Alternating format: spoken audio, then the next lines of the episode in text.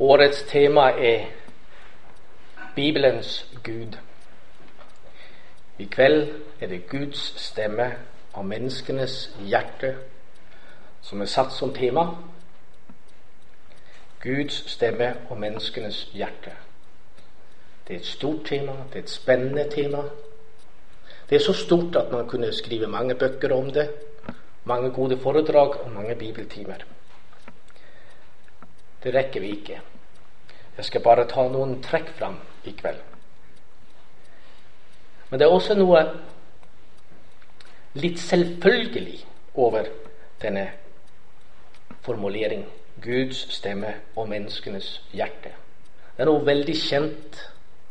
Det er noe Ja, det er tydelig at det er formulert i en kristen sammenheng. Verden vet ikke hva vi mener med Guds stemme når vi taler om Guds ord. Men hvordan er det når vi taler om menneskenes hjerte? Det er et hjerte her på talerstolen. Det er et elsket symbol, mer eller mindre symmetrisk. Det er tegnet hjerter på servietter. Det er hjerter på barns klær. Det er hjerter i blomster på kart. Og vi har også hatt hjerter på våre bord. Små, koselige sølvhjerter. Og jeg skal ikke si noe ondt om disse hjerter.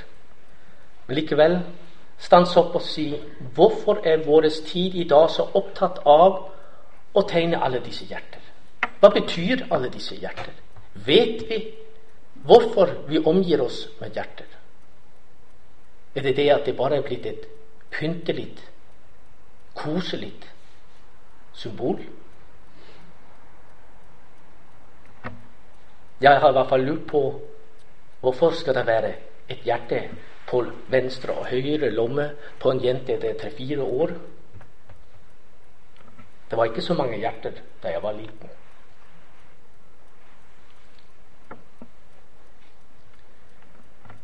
Det er i hvert fall noe vi oppfatter som noe koselig, noe vakkert, noe pyntelig.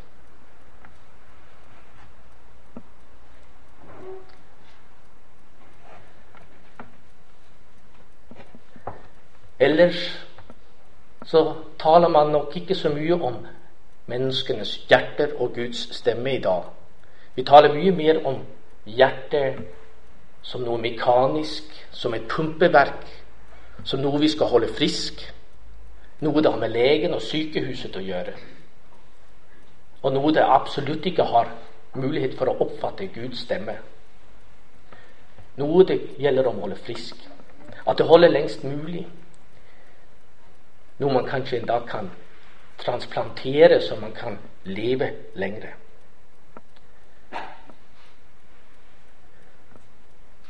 Det er i hvert fall sånn at det mekaniske fyller mer og mer, og det pyntelige fyller mer og mer. Ser vi i våre salmebok og vår bibel, så er det et helt annet bruk av ordet hjerte. Vi kan nesten ikke slå opp på en salme uten ordet 'hjerte' forekommer i en eller annen utgave. Men jeg er redd for at disse salmer begynner å bli stumme og umulig å lese for moderne mennesker. For hjertet er bare noe veldig koselig. På gamle prekestoler, altertavler, ser man av og til at det ligger oppe på et alter eller på en stein hjertet med all sin mjukhet og bøyelighet, også en hammer. Et grotesk bilde. Ikke koselig, ikke behagelig. Noe det vekker følelsen av at det kan bli smerte.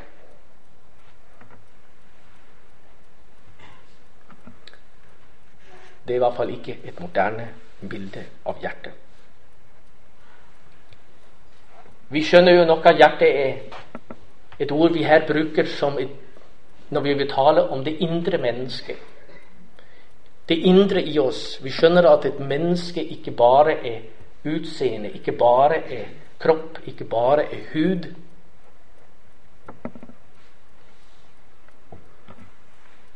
Men det har ikke alltid vært oppfattet som det mest sentrale i mennesket. Og slett ikke som noe Gud kunne tale til. De gamle babylonere de var mer opptatt av nyrene. Opptatt av om man kunne spå og gjennomskue fremtiden. Få kontroll over tilværelsen. Og dertil anså man at nyrene var mer velegnet. Det er noe særlig for Bibelen at tale om hjertet som det viktigste. Men da ikke bare som noe det er til pynt, men noe det har den aller største alvor, også den aller største glede. Aztekerne de hadde også en høy vurdering av hjertet i den forstand at de tenkte at hjertet, menneskehjertet var noe man kunne operere ut og ofre til Gud. At det fysiske hjertet ville kunne stanse Guds vrede. En helt annen forståelse av hjertet.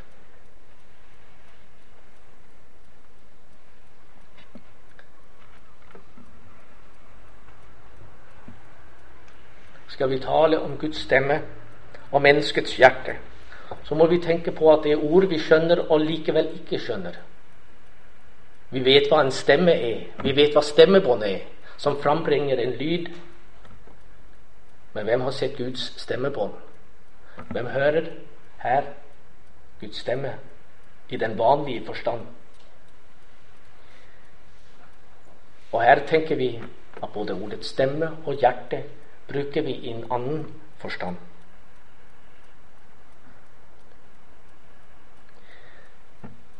Jeg tror at ordet hjerte er et ord som vi vil se at den moderne verden mer og mer vil forflate betydelsen av, uttømme betydelsen av.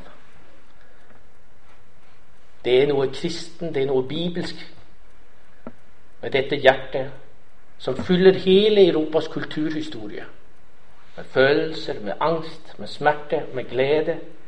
Den uro som søker, søker, søker. Det moderne vil ha at vi bare er behov, drifter, underbevissthet og hjerne, forstand, som kan opplyses.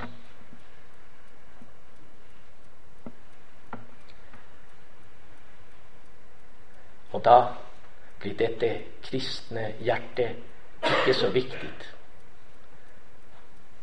Det hjertet som Gud kan tale til, det blir besværlig. Det blir vanskelig.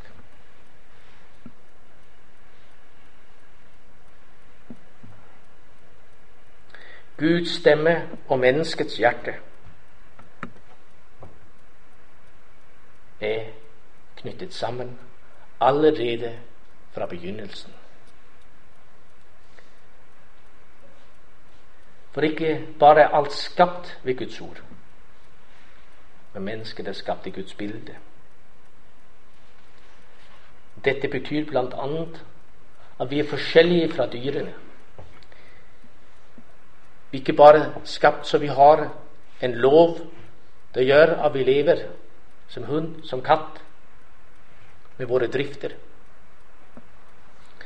For Gud har nedlagt noe mer i oss enn at vi bare lystrer Guds vilje. Gud har talt sitt bud for at mennesket skal høre Gud og lyde Gud. Fra den første begynnelse er det en sammenheng mellom Guds stemme. Og i begynnelsen er det en umiddelbar sammenheng, hvor mennesket er i stand til å høre denne stemme.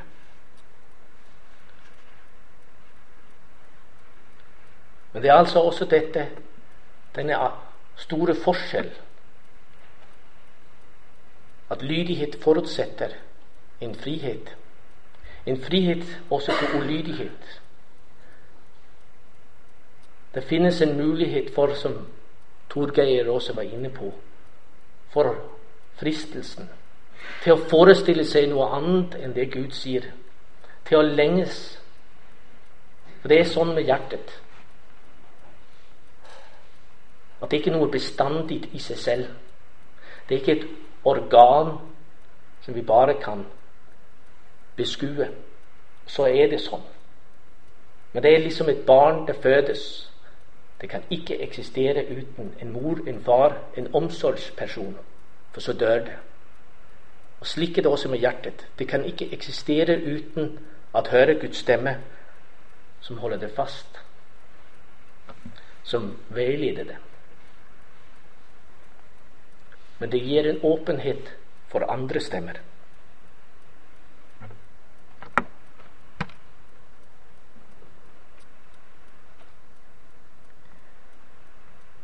Guds stemme hører vi om i paradiset. Vi hører at det kommer budet om å ikke spise av kunnskapens tre.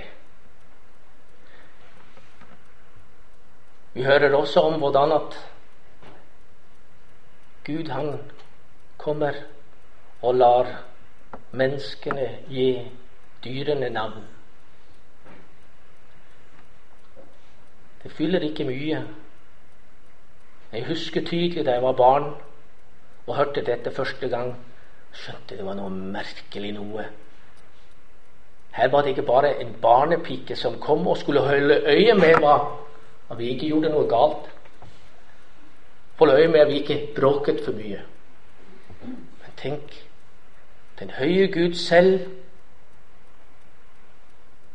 ville også lytte til menneskets stemme og se hva de kalte det. Det er en slags samtale i paradiset. Guds stemme taler og forsvar i Edens hage. Det er en harmoni.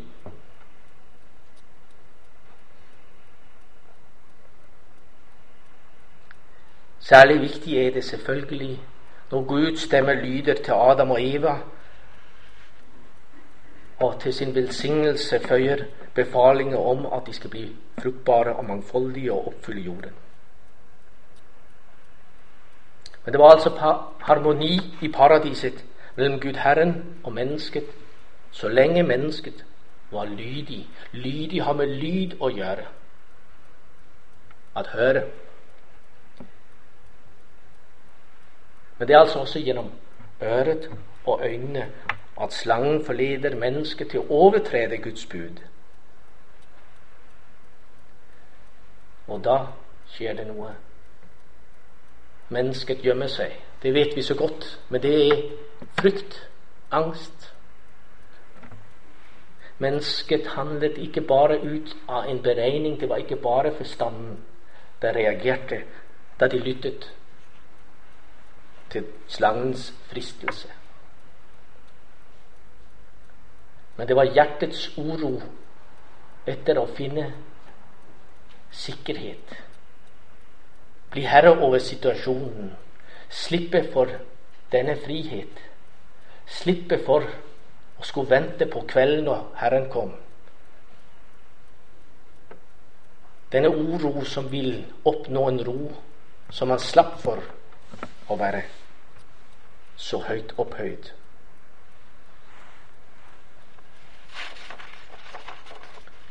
Harmonien avløses av frykt. Hjertet skjønner vi kanskje er stedet vi elsker med, men det er også stedet vi frykter med, stedet vi hater med. Skriften er fylt med vitnesbyrd om hvordan mennesket fylles av angst, blir redd og fylt av frykt.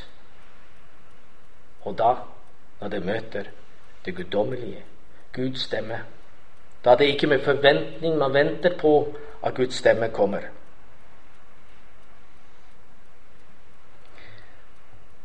Men innen vi forlater paradisets hage, så skal vi jo huske at midt i vredesutbruddet mot slangen, kvinnen og mannen lyder Guds stemme med det første evangelium. Løftet om at kvinnens ett skal knuse slangens hode. Kvinnens ett er jo den første forutsigelse om Kristus. Det er ord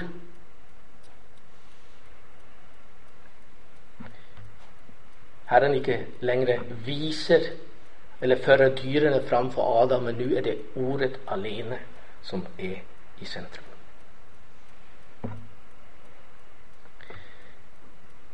Gjør det for så vidt ikke direkte noe om at Adam og Eva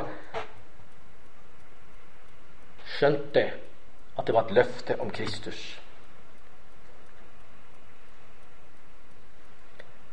Men vi vet jo at ordet ble overlevert. Og det vitner dere om at de skjønte at dette var helt avgjørende.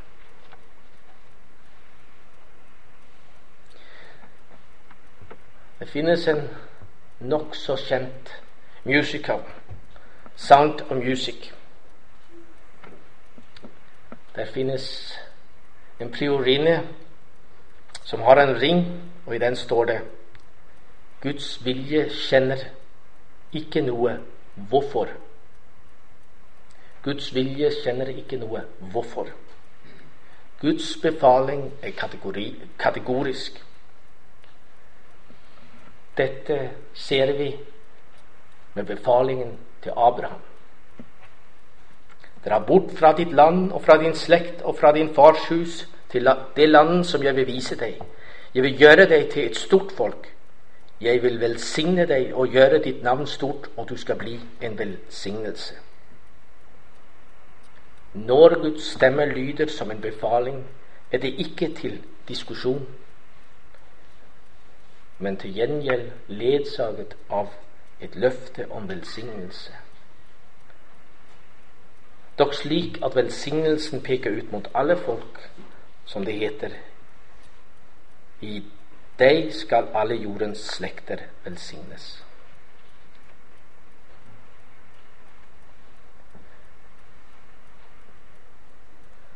Nå høres ikke Guds stemme til alle, men til noen. I Jan Mosebok, det tredje kapitlet, høres Guds stemme, lyder Guds stemme til Moses da Gud kaller ham til sin gjerning. Tidligere hadde Moses hatt høye tanker om sin gjerning, men stilt overfor Guds kall føler han seg liten og maktesløs. Men han blir lovet hjelp fra Gud, som åpenbarer navnet sitt og sitt vesen for Moses. Senere så hører vi at loven, og da særlig Guds ti bud, ikke er menneskepåfunn.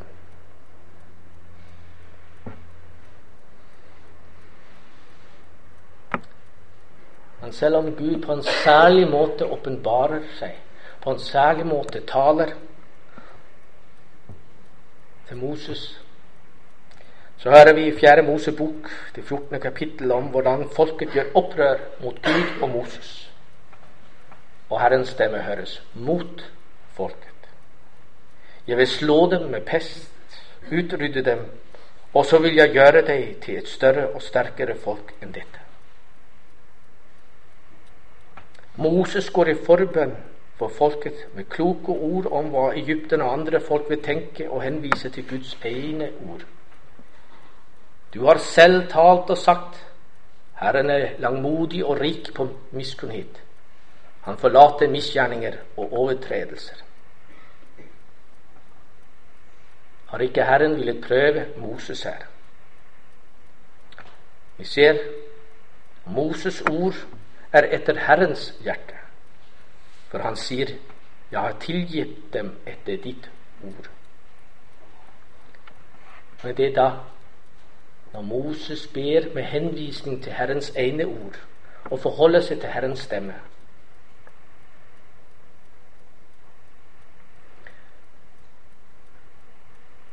I Samuels bok hører vi om lille Samuel, hvordan Herrens stemme lyder. Igjen ikke til alle.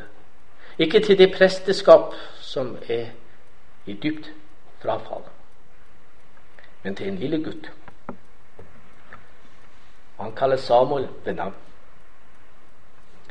Men Samuel er så liten og uvis at han ikke skjønner hvem som kaller. Han tror det er Eli til sist forstår Eli at det er Herren som kaller, Og han lærer Samuel å si, Tal, Herre, din tjener hører. Slik vi kan tenke for hver eneste prek, gudstjeneste.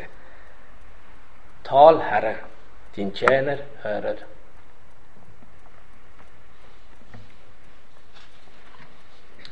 Og først da Samuel svarer dette, taler Herren videre.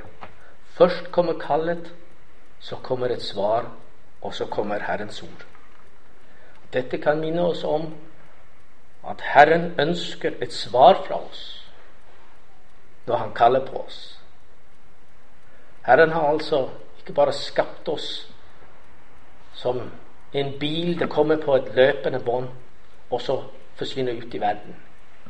Han skapte oss for å stå i samtale med oss. For å kunne kalle på oss. For å kunne lokke oss. Men også for å få svar.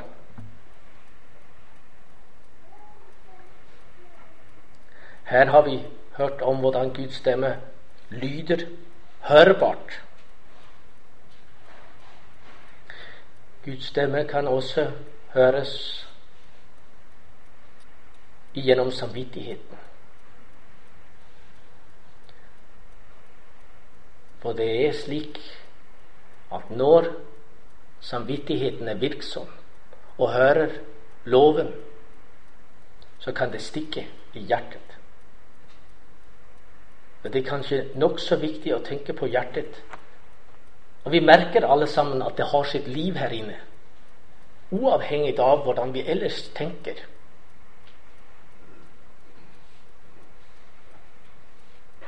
Det banker, og vi hopper høyt når vi gleder oss. Og vi merker det krymper seg når vi er angste, når vi er redde. Det lever sitt eget liv, dette hjertet. Og vi har ikke kontroll over det. Om vi er opplært med Guds bud, så er samvittigheten noe som vi vet sammen med Gud. Men ofte det noe, må det noe til for å vekke samvittigheten. For det er slik med hjertet at det ikke bare er et koselig sted, men det er et sted som kan bli mørkt. Det kan bli døvt og stumt.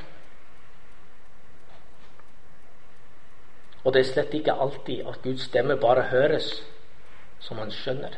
Vi tenker på stemme som noe endimensjonelt, men Guds stemme gjør alltid noe med oss. Enten så lytter vi mer, eller så fjerner vi oss mer. Vi kan ikke bare høre den.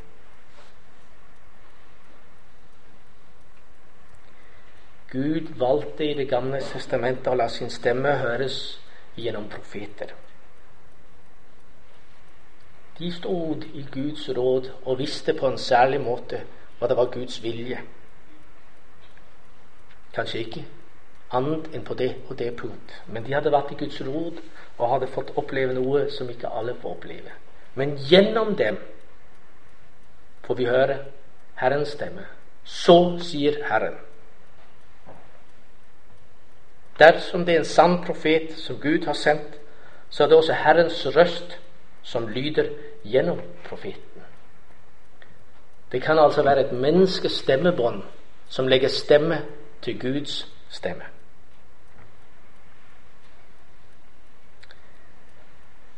Vi kjenner historien om David og Batseba. Og Poengten er at David kjente ikke seg selv. Dersom David var så mange hedenske konger i datiden, så hadde han jo bare tatt Batseba.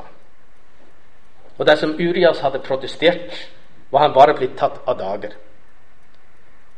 Men David kjente såpass til loven, og han, befalt, han befalte bare at Urias skulle stå på det farligste sted. En skulle jo stå der. På den måten var Batseba heller ikke en annens hustru, men fri. Her lyder Guds stemme gjennom profeten, den Guds mann Natan. Du er mannen. Og dette gikk David til hjertet.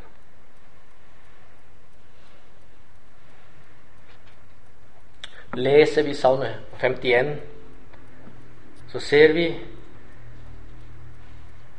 hvordan David bekjenner dette å være rant av Davids domsforkynnelse. Men vi ser samtidig hvordan han også kjenner en ny glede. Det er når Guds stemme virker etter sin hensikt. Så kan den forvandle et hjerte så det forskrekkes av Guds dom.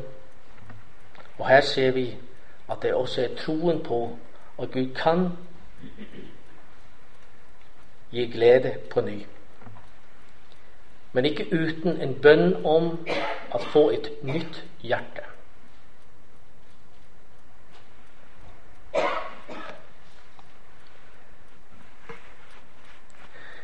Går vi til Det nye testamentet,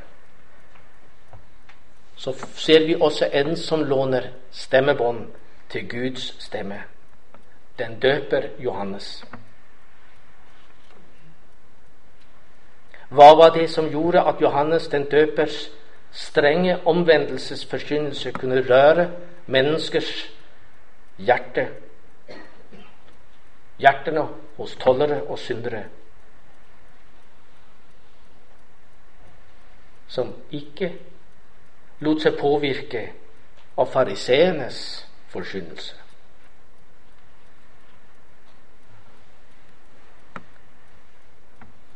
Johannes talte ikke ned til tollere og syndere. Han forsynte dommen så radikalt at han selv var under dommen.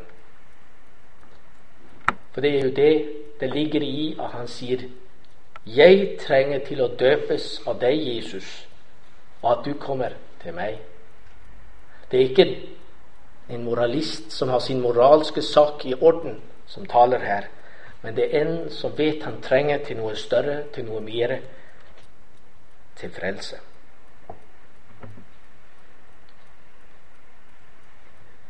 Vi kjenner hvordan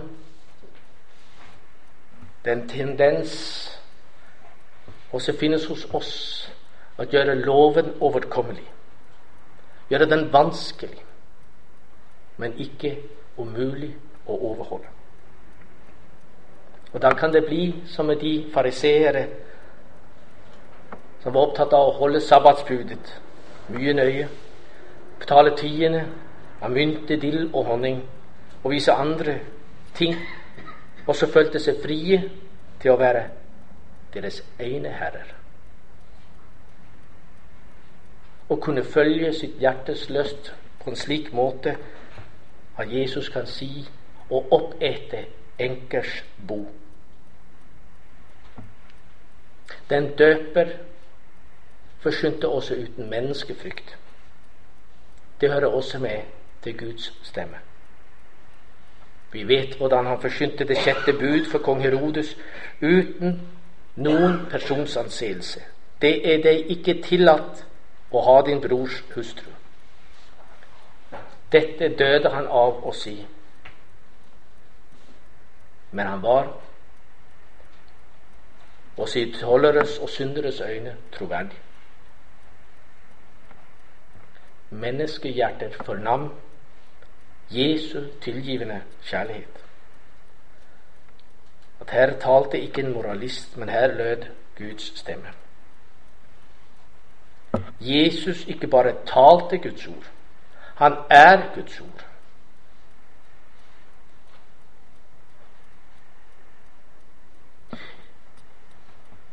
Det er jo det viktige med å tale om Guds stemme og menneskenes hjerter. At Gud er ikke bare en kraft, ikke bare noe upersonlig. Ikke bare noe med engler som visstnok finnes der et eller annet sted. Men Gud kan tale Gud kan formulere seg. Gud har en vilje. Med deg og med meg, og med alle mennesker. Gud har ord. Gud kan uttrykke seg. Så det er forståelig for mennesker. Det er derfor vi kan ha en bibel.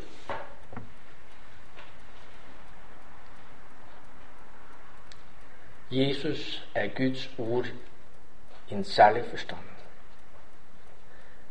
Et ord som både kan skremme og drage.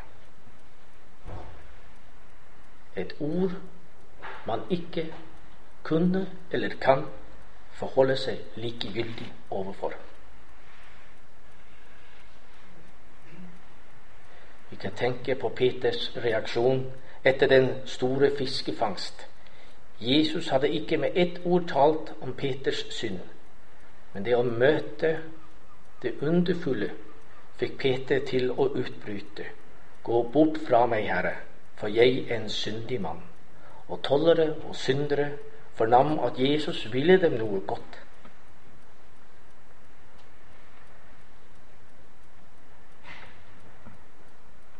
Men det er altså slik med Guds ord, med Guds stemme etter syndefallet. At menneskehjertet har vendt seg, har blitt mørkt og blindt. Vi talte om Moses. Der vet vi at Gud forsøkte å tale til egypterne og tale til farao og gjorde ti tegn for egypterne. Og det framgår tydelig av berettelsen at de skjønte dette var noe underfullt, noe stort. Men det er det store, skremmende eksempel på forherdelse. Hjertet er slik at det kan åpne seg, og det kan lukke seg. Det kan lenges, det kan som elskende ønsker å være tett på. Det kan bli såret, det kan bli angst, og det kan lukke seg.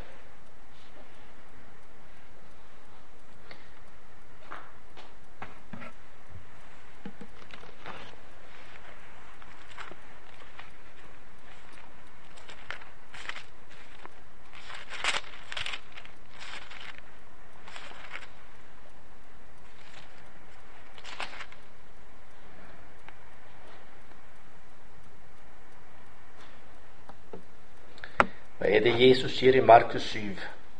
For innenfra, fra menneskehjertet, er det de onde tankene kommer. Otukt, tyveri, hor, hor, griskhet, ondskap, svik, utskeielser, ondt øye, øye, spott, hovmod, uforstand. Alt dette onde kommer innenfra og gjør mennesket urent. Og Jesus taler om hjertet. Så det er ikke bare noe koselig. Ikke bare en Guds skapelse, ikke bare noe mekanisk, men også stedet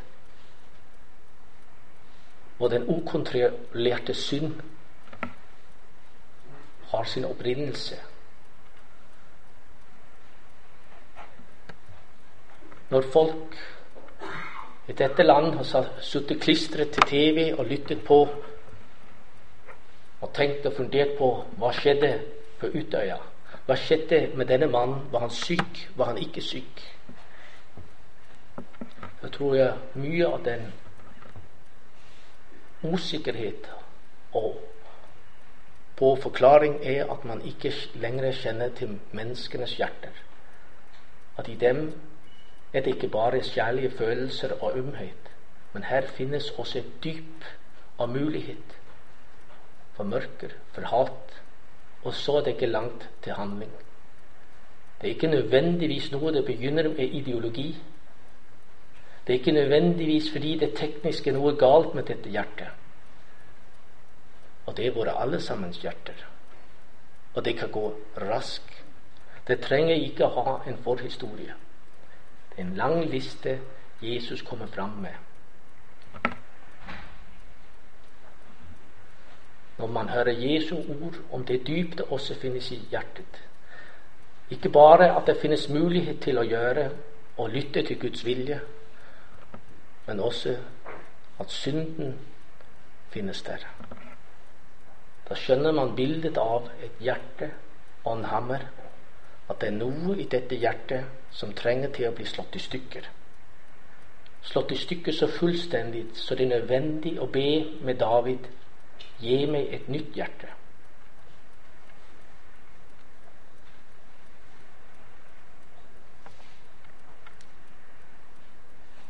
Begynner et menneske å kjenne sitt hjerte også som man kan gjenkjenne Jesu ord. Og det har vært øyeblikket i mitt liv hvor det fantes slikt. Så kan det bli ulidelig trangt i dette hjertet. Og hvordan i all verden skal jeg bli fri av alt dette forferdelige i mitt hjerte?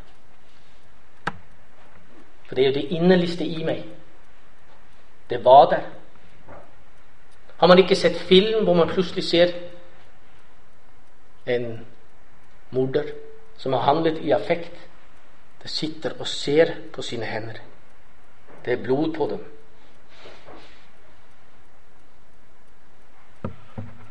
Og det går ikke å bortforklare. Sånn er det også med de andre saker. Om det er hor, om det er øyet. Og da Om man først har smakt litt på denne fortvilelse, da kan det være godt å venne seg til det vidunderlige ord første Johannes brev.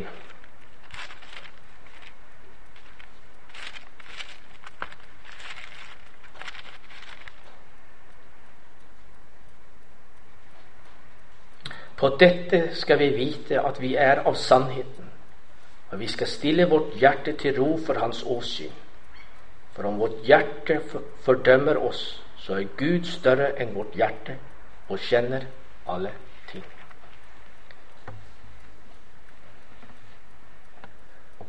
For Det er jo saken av det vidunderlige med skapelsesberettelsen. Han har ikke bare skapt oss som en bil på transportbånd, men han har skapt oss. Han har konstruert oss. Han kjenner oss. Og for at vi skal være hans eiendom For at det skal være tempel Det er når Jesus med sin nåde, blodig vunnet på korset, får lov å ta bolig i vårt hjerte, og vårt hjerte kan finne ro. At den evige hensikt med vårt hjerte finner den balanse som gjør at vi kan leve, og vi kan være glade, og vi kan se oss selv i øynene. Det er først da at vi hører vår Faderstemme, Guds stemme, uten frykt. I, uten den frykt som gjør at vi løper bort fra Gud, som Adam og Eva, men bare lenges etter at han kommer. Han kommer som brudgommen.